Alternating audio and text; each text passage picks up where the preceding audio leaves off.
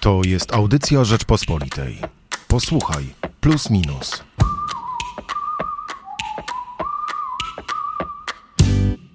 Zbliża się 11 listopada, więc w plusie minusie przyjrzeliśmy się narodowi. Naród, wspólnota wyobrażona. Może trochę banał. E, banalne to hasło na okładce magazynu e, Plus Minus, ale skoro pomyśleliśmy sobie, że naród rzeczywiście jest wspólnotą wyobrażoną, to jak my sobie ją dzisiaj wyobrażamy i jak moglibyśmy ją wyobrażać w przyszłości?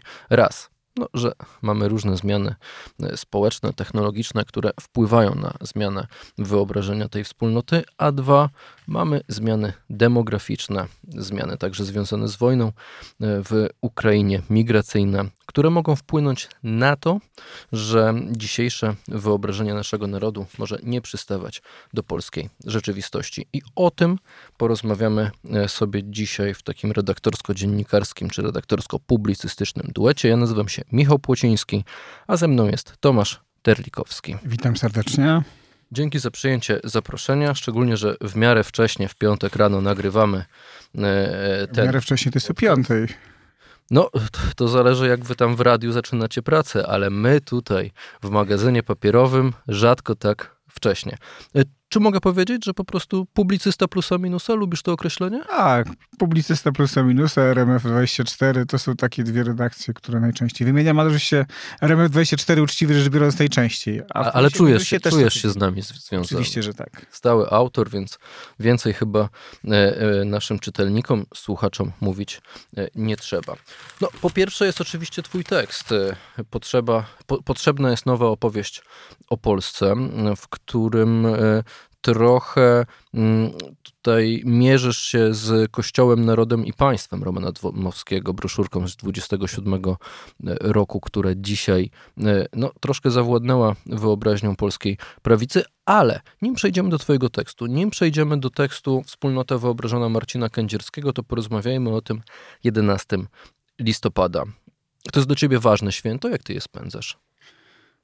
Powiedziałbym, że dla mnie dużo bardziej takim narodotwórczym czy wspólnototwórczym świętem była i jest i był 1 listopada. To jest pewien paradoks do tego, że to święto wiemy jak obchodzić.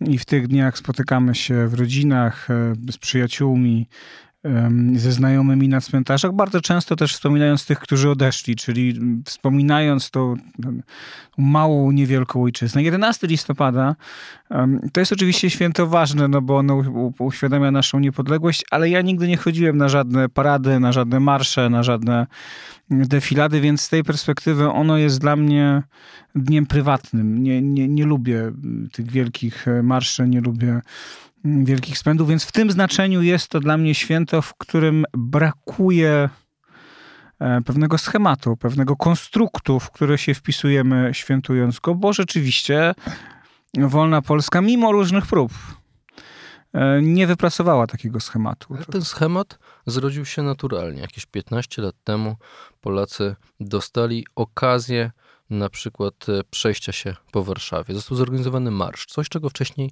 nie było. No i Dziesiątki tysięcy, potem setki tysięcy Polaków zaczęło z tej okazji korzystać. No ja pamiętam, e, bo jak był organizowany pierwszy marsz, to mnie zaproszono do Komitetu Honorowego.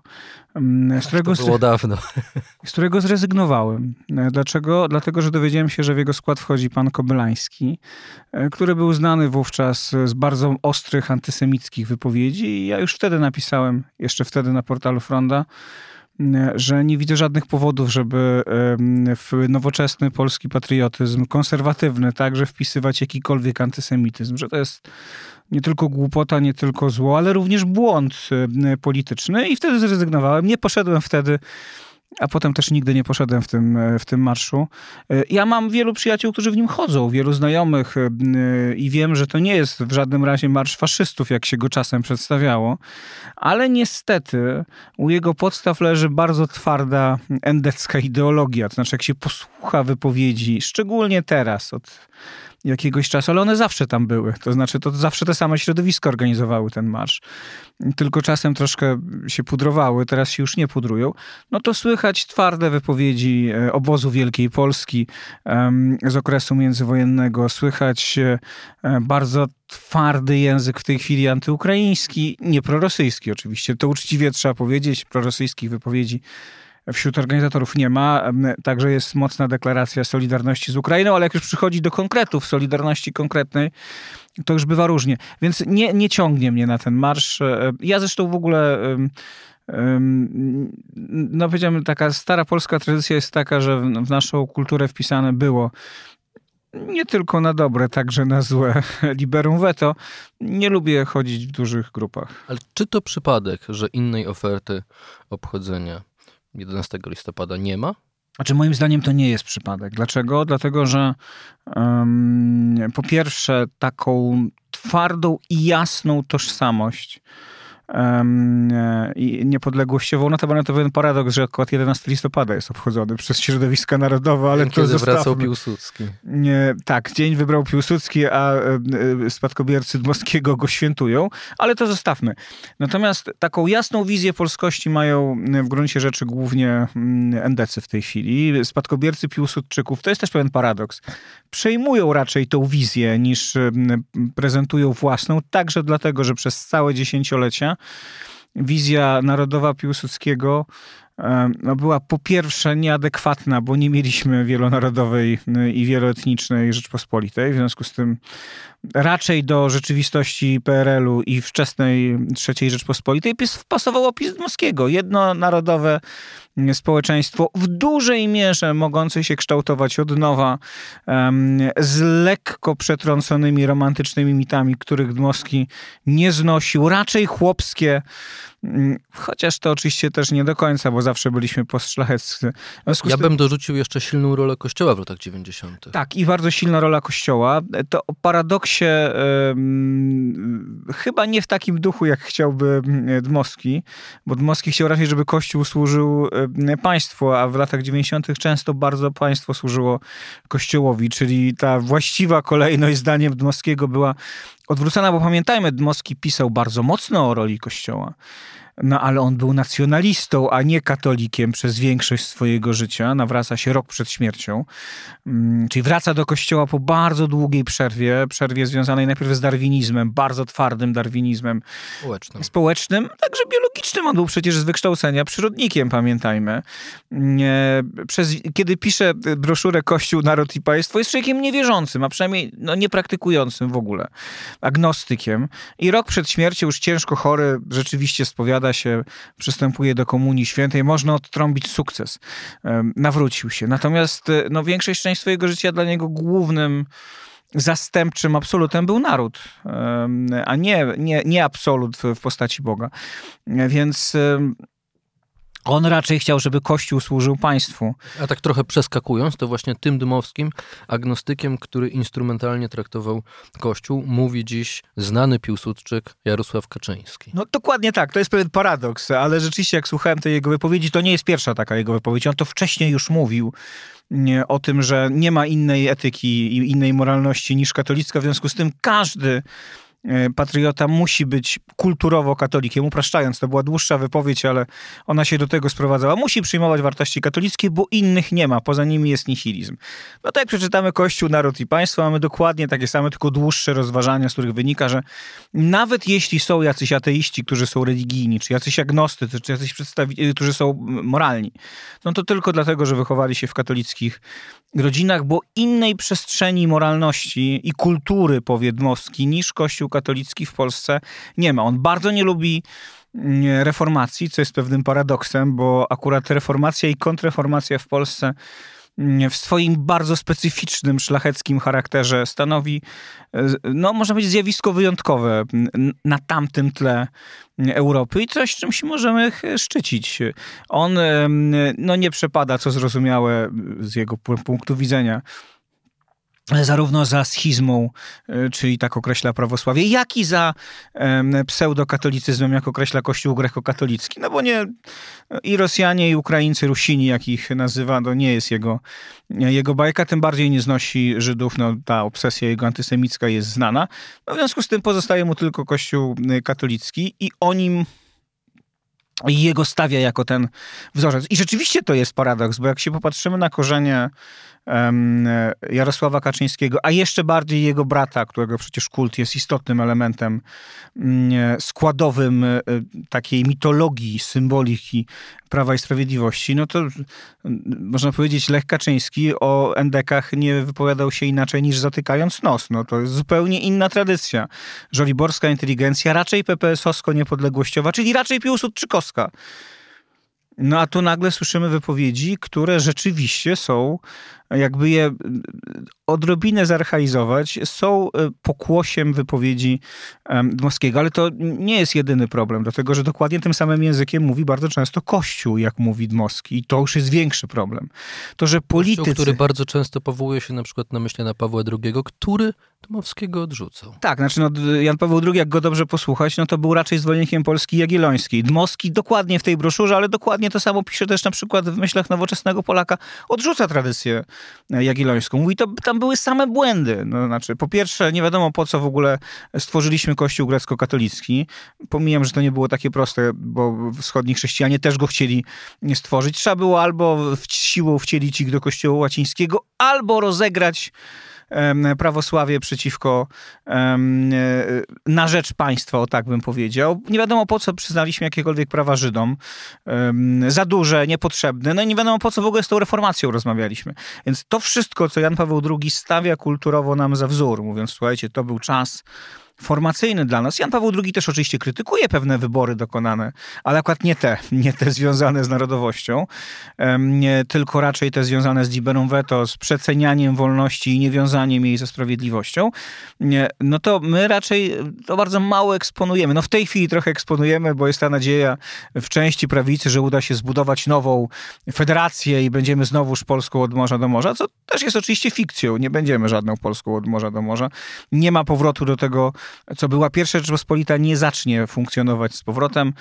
Obyśmy pozostali w jak najbliższym sojuszu z Ukrainą, dalej z wolną e, Białorusią, jak się pojawi, z innymi krajami, ale to nie będzie federacja na wzór pierwszej Rzeczpospolitej. Natomiast tak, rzeczywiście, nawet jak się czasami dyskutuje na temat migracji, na temat zjawisk, e, które się dokonują po prostu, to znaczy nie, to jest tak, że e, Prawo i Sprawiedliwość deklaruje, że żadnych migrantów, no oczywiście poza uchodźcami z Ukrainy, to im trzeba oddać, to jest bardzo solidarnościowa postawa, ale wcześniej słyszeliśmy żadnych migrantów, nie chcemy, bo to nam przyniesie zmianę kulturową. No tylko, że w latach rządów e, Prawa i Sprawiedliwości wydano najwięcej zgód o pracę e, i rozmaitych innych dokumentów umożliwiających tutaj pracę ludziom z Azji Środkowej, z, Azji z Bliskiego, tak, z Azji Południowo-Wschodniej i także z Bliskiego Wschodu. Znaczy, jak się jeździ po Warszawie, e, no to e, Uber Eats e, to są w ogromnej większości um, Hindusi czy Pakistańczycy, choć nie tylko.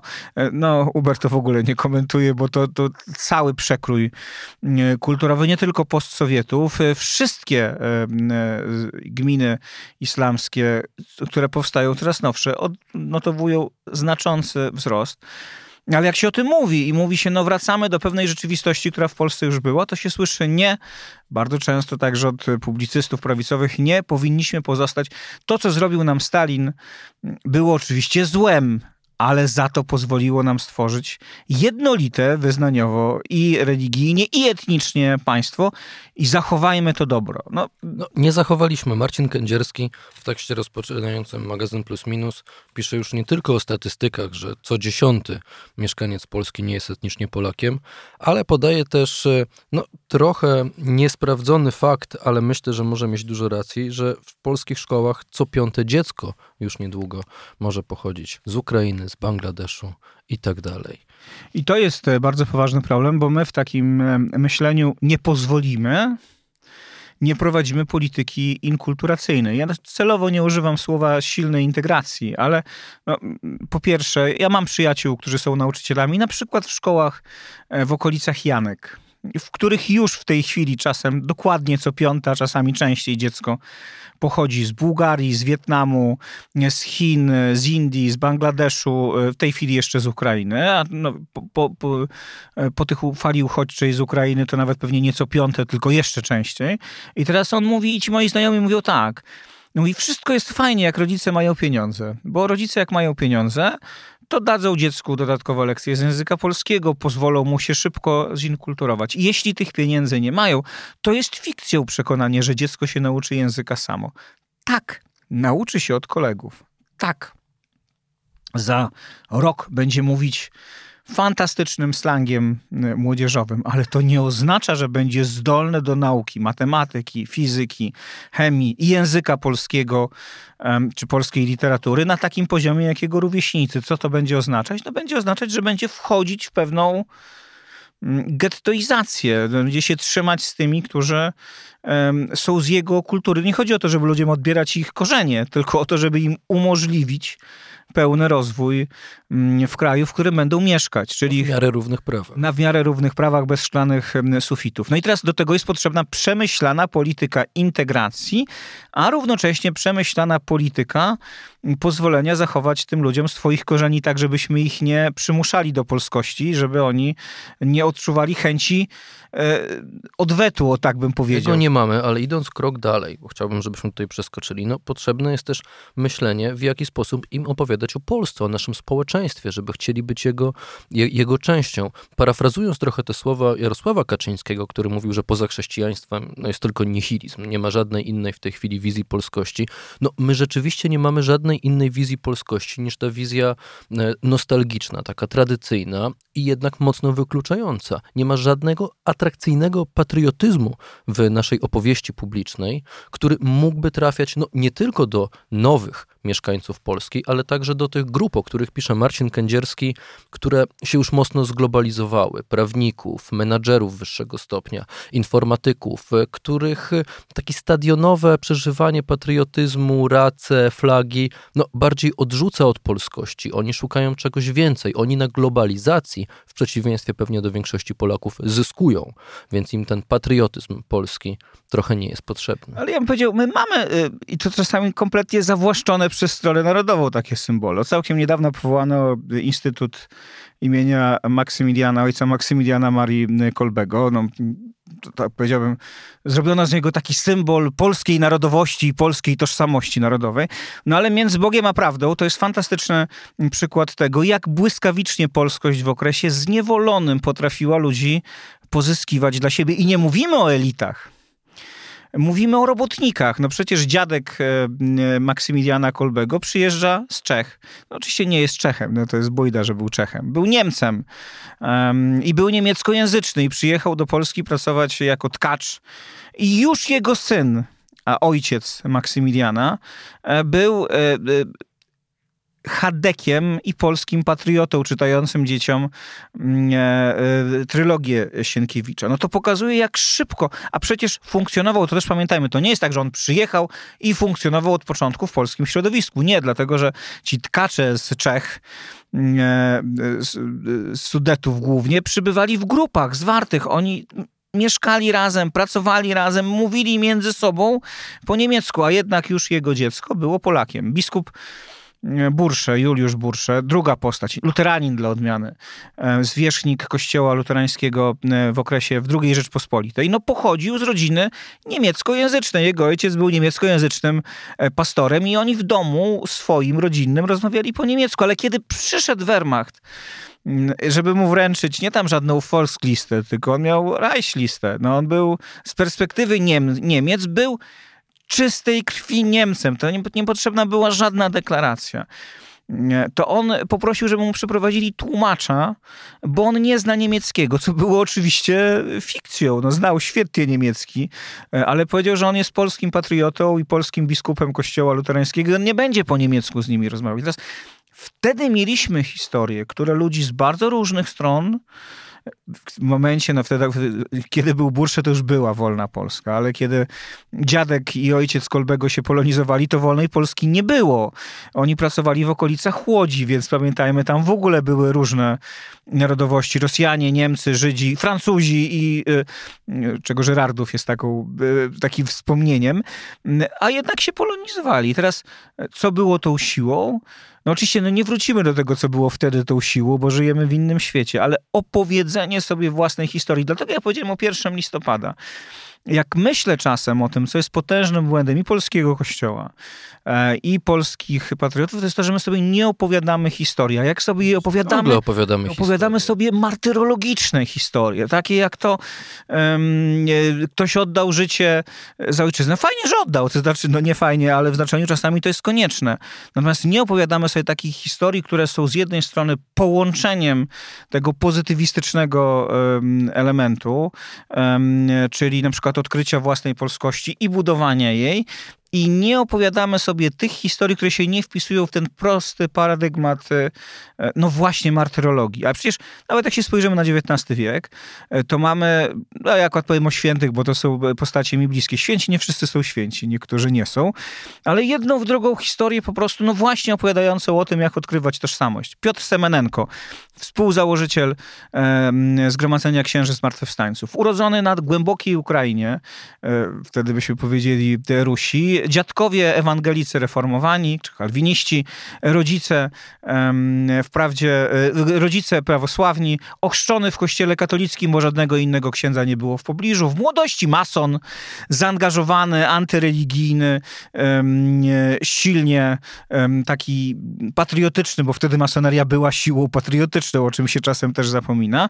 E, no i w tym momencie spotyka Bogdana Jańskiego, świeckiego założyciela, czy pomysłodawcy Zmartwychwstańców, też z bardzo ciekawym życiorysem. Jakby chcieli go pokazać, no to on by daleki był od takiej wizji świętego, co tam tylko się modlił. No, mamy jego zapiski i on w różne bardzo miejsca chodził i różne bardzo miejsca robi, rzeczy robił, a potem się z tego spowiadał, bardzo się tak żałował. E, no i założył tych zmartwychwstańców. I tenże Semenenko, Rusin, przyjmuje polską tożsamość, wybiera ją, staje się katolickim zakonnikiem e, i e, porywa za tą swoją wizją polskości. Oczywiście ona jest mesjanistyczna, to jest prawda.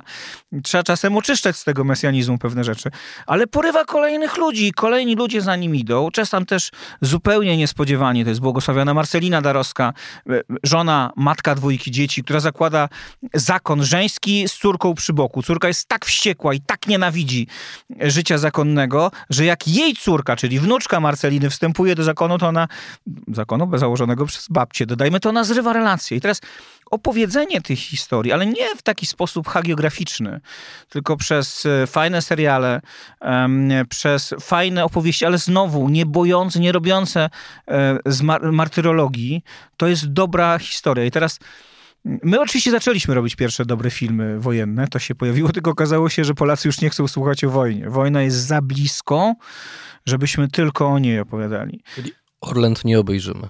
E, no właśnie chyba to wynika z danych takich twardych dość specjalnie. Podobno to jest bardzo dobry film, ja też go nie widziałem, ale tak słyszałem od znajomych, e, też od współautora e, z plusa minusa od Łukasza Adamskiego. Mówi naprawdę dobry film, ale z badań wynika no nie, nie, nie porwał, tak? To znaczy, to nie jest jeszcze ten etap.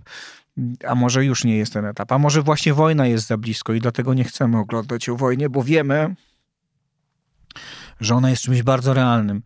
Natomiast opowiadajmy te historie, szukajmy tych korzeni, dobra, dobra. które są różne. Znaczy, ale to jest nie, oczywiście nie... postmodernistyczne, ale powiem tak, budujmy narrację, która nie będzie endecka, tylko będzie właśnie jagiellońska, która będzie pokazywała... To, to jest pewien paradoks, bo wszyscy mówią, yy, Sienkiewicz ukształtował nam taką wizję monoetniczną. No dobra, tylko że u Sienkiewicza akurat mamy bohaterów yy, innych narodowości. Oczywiście czasami ci innych narodowości są przedstawiani negatywnie, ale czasami są przedstawiani nega- pozytywnie, tak? Więc pamiętajmy, nawet on pokazywał szerszy E, obraz polskości, niż nam się go pokazuje w tej chwili. Opowiadajmy to, pokazujmy, e, e, budujmy narrację, pokazujmy różnokulturową Polskę. To się zresztą na dole dzieje. To się często nie dzieje na górze ale jak się jeździ po Polsce, to widać masę ludzi, którzy na przykład odkrywają gdzieś e, żydowskich sąsiadów, których już nie ma. Ja mam przyjaciela księdza, który do mnie mówi, wiesz, e, nie wiedziałem, jak to było w Makowie Podhalańskim z Żydami. Kompletnie tego nie wiedziałem. Ja jestem z Makowa Podhalańskiego i w ogóle nie wiedziałem, że jacyś Żydzi byli przed wojną. No i poszedłem, zainteresowałem się, okazało się, że byli, okazało się, że była synagoga, okazało się, jak ich w okrutny sposób pozbawiono życia i się udało namówić burmistrza już na Podhalu, pamiętajmy, czyli takiej ostoi e, konserwatyzmu, udało się namówić, żeby ich upamiętnić. I takich historii jest coraz więcej, ale one oczywiście uświadamiają że ten obraz monolitu etnicznego i religijnego jest po prostu nieprawdziwy. Znaczy, mi się bardzo podoba, jak ty przeżywasz, jakie masz emocje, jak zaczynasz opowiadać, prawda, te historie. Widać, że mm, ciebie to wciąga, tylko ja mam wrażenie, że no, nie wszyscy będą mieli takie emocje. Niektórzy, jak usłyszą o mm, tym, do czego ty namawiasz, żeby nie pomijać prześladowań, nie pomijać ograniczania praw, przyczyn, dla których chrześcijanie wschodni nie chcieli mieć niekiedy wiele wspólnego z Polską i z polskością. To pisze w swoim tekście. To jak to usłyszy wielu polskich patriotów, to za to oni będą zupełnie odrzuceni od tej historii. No dobrze, tylko że mm, teraz mamy do wyboru no, prostą rzecz. Znaczy ci polscy patrioci mają też dzieci i te ich dzieci uczą się już o tych rzeczach i powinny się uczyć. Co więcej, jeśli nie wyciągniemy lekcji z naszej historii, to powtórzymy te same błędy. Znaczy, bo my rzeczywiście wchodzimy w tej chwili w trudny proces dla Polski, to znaczy ze społeczeństwa jednoetnicznego. Staliśmy się już na pewno w tej chwili społeczeństwem dwuetnicznym, bo liczba uchodźców z Ukrainy, z których 60%, to oni sami tak deklarują, prawdopodobnie zostanie w Polsce, a być może więcej, bo w Polsce jest wyższy poziom życia, bo szczególnie ci młodzi ludzie, którzy tutaj przyjechali jako dzieci albo jako nastolatkowie, no to oni tu wrosną, poznają tutaj swoich y, mm, przyszłych partnerów czy partnerki, będą mieli dzieci. No, oni tu zostaną, a w związku z tym, że po pierwsze Ukraina jest bardzo blisko, a po drugie ma jeden element, który ją odróżnia od y, tej mainstreamowej polskości, czyli niekoniecznie wyznawane, ale deklarowane wyznanie, czyli chrześcijaństwo wschodnie z troszeczkę innymi zwyczajami, z troszeczkę inną liturgią, której się nie obchodzi, ale która jest pewnym,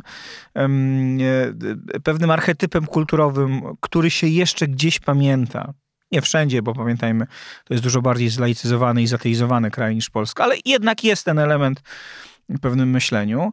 Więc y, to po prostu będzie z ich perspektywy element y, istotny i odróżniający, nawet jak będą, y, a będą. Będą go sobie w sobie wzmacniać, żeby zachować jakąś tożsamość? Pewnie tak, tak jak to, to, to będą w pełni Polakami, a równocześnie będą jednak pamiętać o swoich korzeniach, a im słabiej przepracujemy także własne błędy wobec Rusi, mm, także własne zaniedbania, tym te ich elementy, szczególnie jak natrafią na szklany sufit, a mogą natrafić, nie muszą, bo to nie jest takie oczywiste, ale mogą, będą się wzmacniać, więc my musimy to przepracować, jakby nie mamy wyboru. Co więcej, no wiemy też, jakie błędy popełniliśmy. Y, to oczywiście był, był inny czas. No nie było takiej tożsamości narodowej, jak mamy w tej chwili.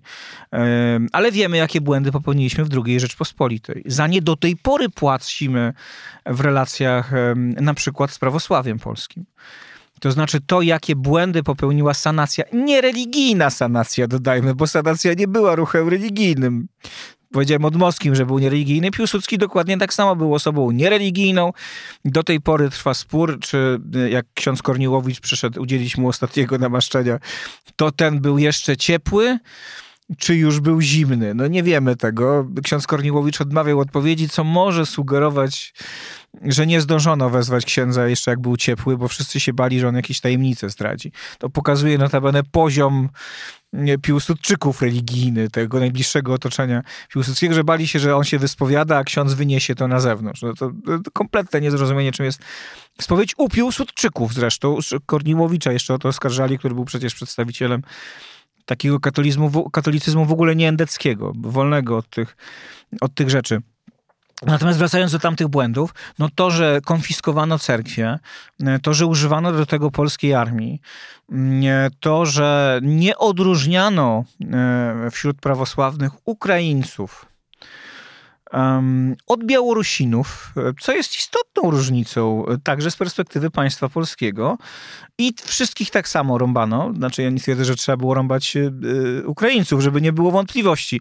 Ale powiedzmy, polityka wobec bardzo silnego nacjonalizmu wtedy ukraińskiego, no musiała być jakaś. Ona nie musiała być agresywna, ale musiała być jakaś. Wobec białoruskiego ruchu narodowego takiej polityki nie trzeba było prowadzić i nie trzeba było, a konfiskowano cerkwie głównie na terenach obecnie nie, no oczywiście polskich, ale raczej białoruskich niż, niż ukraińskich, no to są wszystko rzeczy, które wpływają na naszą obecną sytuację. My czasami myślimy, że wszyscy mają taką krótką pamięć jak my, że tak jak nam zerwało pamięć, bo zerwało nam pamięć. To jest oczywiście prawda i komuniści, i Niemcy się o to, e, i Rosjanie, i Niemcy, czyli komuniści, i naziści się o to zatroszczyli, ale prawosławni doskonale pamiętają, jak się rozmawia z młodymi prawosławnymi na Podlasiu, no to oni mówią, no byście nam zabrali cerkwię. No, I dla nas jest absurdalne, jak myśmy. No i to był błąd bardzo bardzo poważny. Podobny błąd popełniła polska prawica e, w III Rzeczpospolitej, e,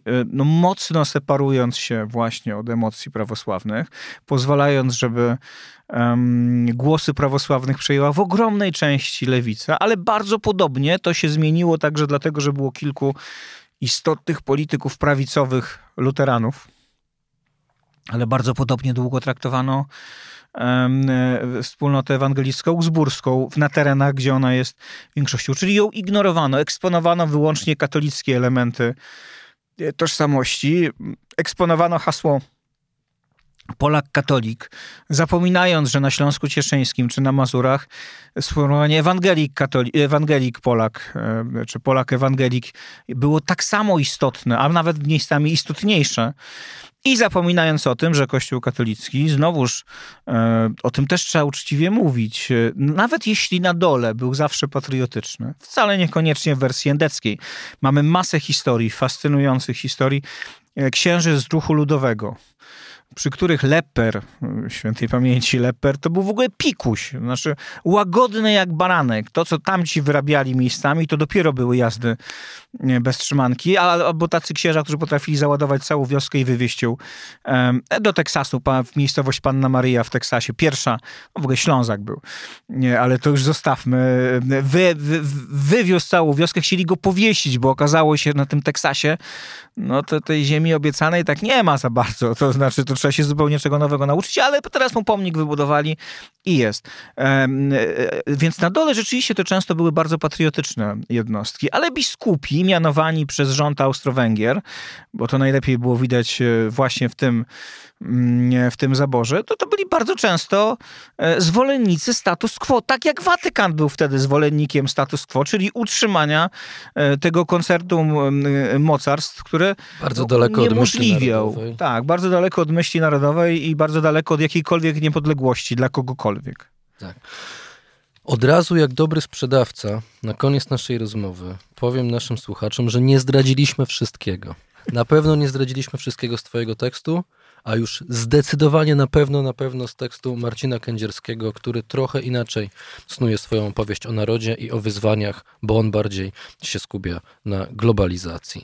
Więc zaproszę po prostu czytelników, naszych słuchaczy dzisiaj do sięgnięcia po najnowsze wydanie magazynu Plus Minus e, z hasłem na okładce e, Naród, wspólnota wyobrażona, zdradzając jeszcze, że Przyglądaliśmy się nie tylko temu, co się dzieje w Polsce i z polskim narodem, ale dalej na kolejnych stronach naszego magazynu, na przykład Karolina Cieślik-Jakubiak pisze o odzyskanym głosu głosie mniejszości i o tym, jak te mniejszości etniczne protestują w tej chwili w Iranie. Jak tam wygląda sytuacja także sytuacja religijna, bo przecież e, te protesty, one troszkę się nakładają na podziały szyicko-sunnickie. Dodajmy też no, narodowe, bo nie wszyscy są Persami tam. No. Połowa, połowa. Połowa, cała reszta obywateli. to są mniejszości, rozmaite i to jest też protest tych mniejszości.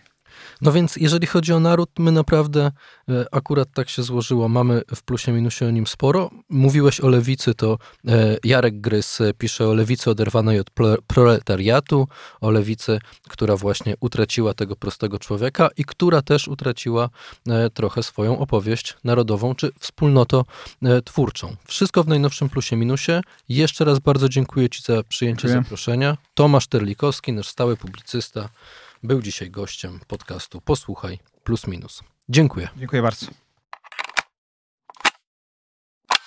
Słuchaj więcej na stronie podcasty.rp.pl.